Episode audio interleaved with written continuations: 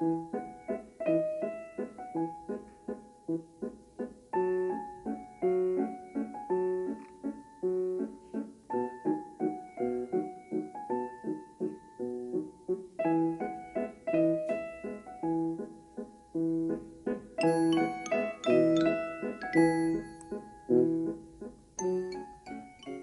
robot savi.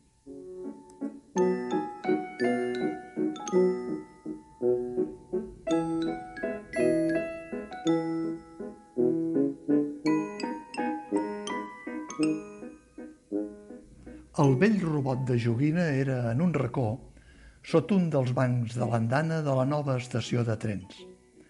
S'estava ajagut al costat d'una sabata vella i estripada. Estava glaçat. El pa sec ja no hi era. I el pot d'aigua, una llauna de cervesa abunyegada, estava buit. Aquell any, els tres reis d'Orient havien arribat en tren i feia un fred que pelava. Abans de tancar la seva carta als reis, l'Estel havia xiu-xiuejat amb els ulls tancats. Estimats reis d'Orient, si veniu en tren i em porteu un robot, que sigui d'aquells que juguen, parlen, riuen i, sobretot, fan els deures de l'escola. Si us plau, si us plau.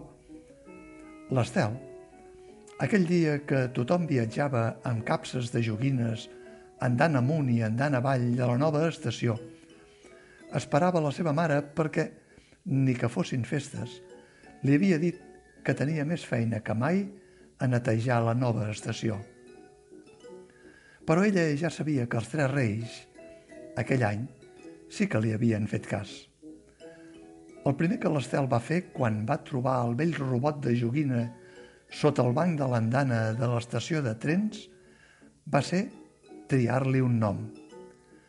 Li va posar Robot Savi i se'l van portar a casa vigilant que el gos llop de la patrulla de seguretat no veiés que se l'amagava sota l'anorac. A casa jugaven, parlaven i reien com ell havia somiat sempre que farien. Des que l'Estel vivia amb el robot savi, tot el seu món havia canviat.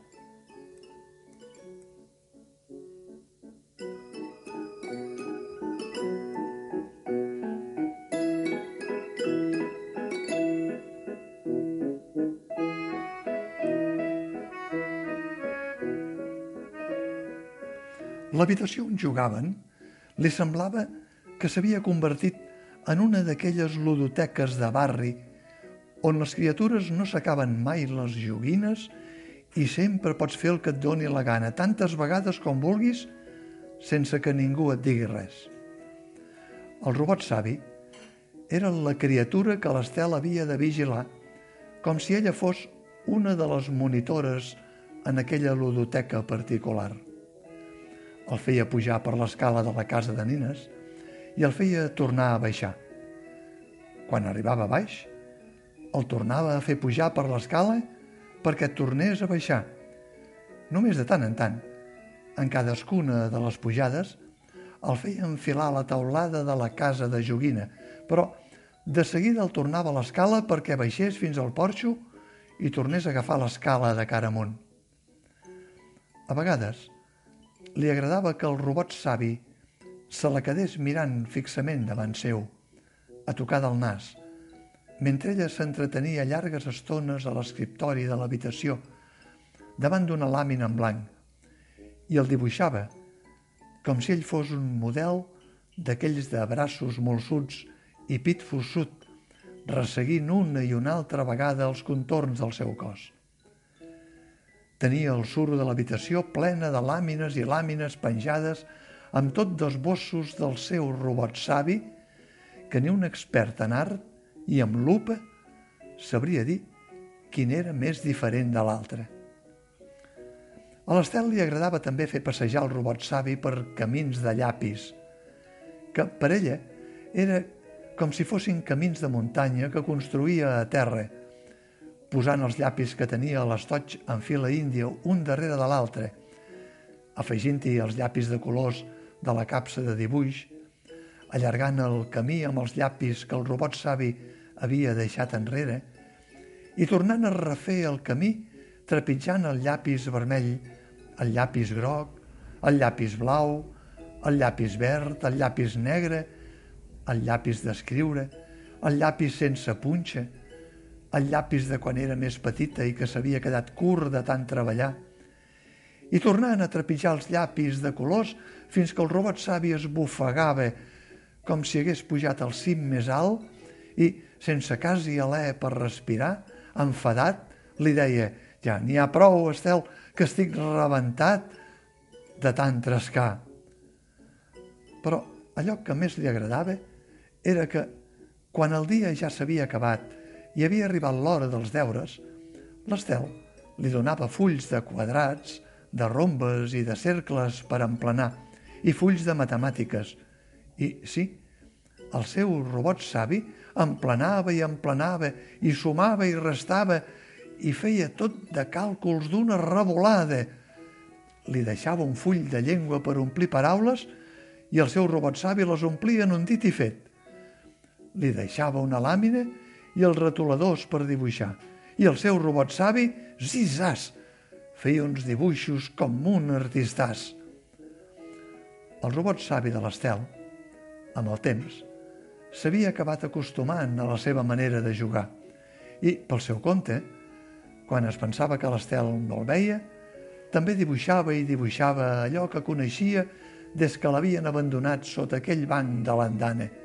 Estacions de trens plenes de fum, màquines de vapor negres com prunes de Nadal allunyant-se en l'horitzó, velles estacions amb sostres fets d'arcades de ferro, grans rellotges marcant tots la mateixa hora i Mossos de corda amb guardapols i gorra, transportant, com si fossin ombres, càrregues de baguls, maletes i fardells des del furgó d'equipatges d'un tren al furgó d'equipatges d'un altre tren. I així van passar molts i molts dies fins que una nit, quan a casa tothom ja dormia, l'Estel va sentir que el robot savi gemegava com si no es trobés gaire bé. L'Estel va veure que el robot s'havia il·luminat com si fos un fluorescent. Semblava un d'aquells llibres de tinta invisible que només es poden llegir a les fosques. Li va passar la mà pel front, potser tenia febre i tot, i va veure que li caien unes llagrimetes de color blau, galtes d'allà on avall. L'Estel li va dir aleshores a cau d'orella que tens gana, robotet? Que tens set? Que tens fred?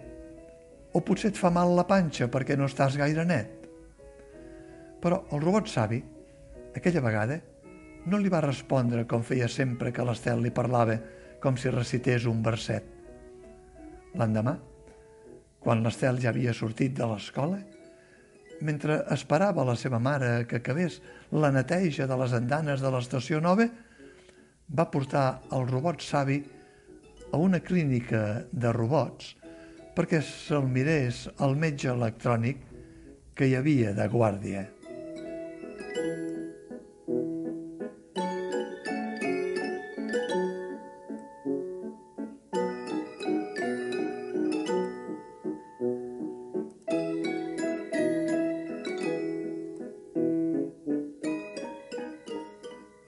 La clínica de robots, tal com l'anomenava l'Estel, era una botiga molt petita situada en un buc d'escala i el metge electrònic era un ferrer que treballava i tenia consulta oberta prop de la nova estació de trens.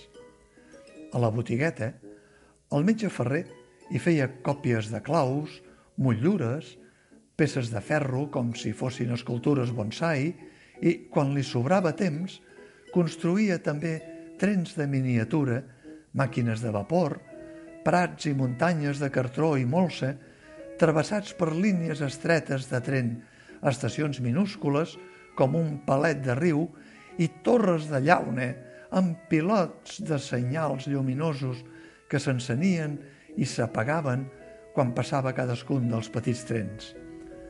A la porta de la botigueta, una clau gegant d'aquelles de pany i forrellat era el rètol que l'anunciava sense cap nom. Però tothom sabia que el manyà era allà dins, com un servei d'urgències en una clínica de robots. El ferrer de Claus, amb una llanterna al front i una lupa a l'ull dret, va remenar la panxa del robot savi de l'Estel.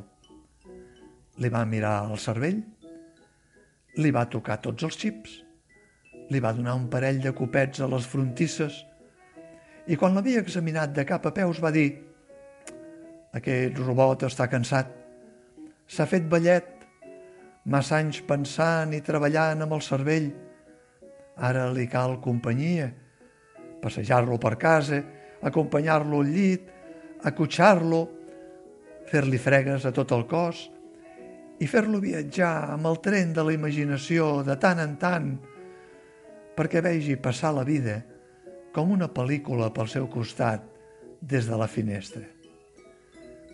A partir d'aleshores, l'Estel encara va estimar més del que se l'estimava el seu robot savi i va treure temps d'on fos per poder estar més hores amb ell.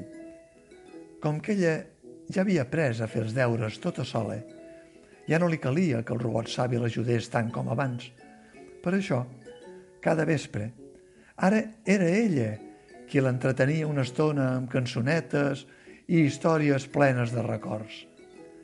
I abans de posar-lo a dormir, li feia dos petons i li parlava d'aquella nit glaçada, la dels tres reis que havien arribat en tren i que l'havien deixat abandonat en un racó sota el banc de l'andana de la nova estació de trens on netejava la seva mare, al costat d'una sabata vella i una llauna bunyegada de cervesa buida. Però el pobre robot savi havia perdut del tot la memòria i ja no se'n recordava ni d'allò que li deia l'Estel, ni que al món hi hagués vies de tren amb un raïl paral·lel a banda i banda. I, passat el temps, quan va arribar un altre hivern, un dia al vespre, el vell robot de joguina va fer un somriure trist a l'Estel. Va tancar els ulls i es va dormir per no tornar-se a despertar mai més i tot el pou de saviesa que el robot posseïa i que havia ensenyat a l'Estel mentre l'ajudava a fer els deures de l'escola, es va quedar per sempre ben guardat dins de la seva carcassa de llauna, on encara deu ser ara, esclar, ni que el rovell que tot ho esborra potser l'hagi fet una mica malbé.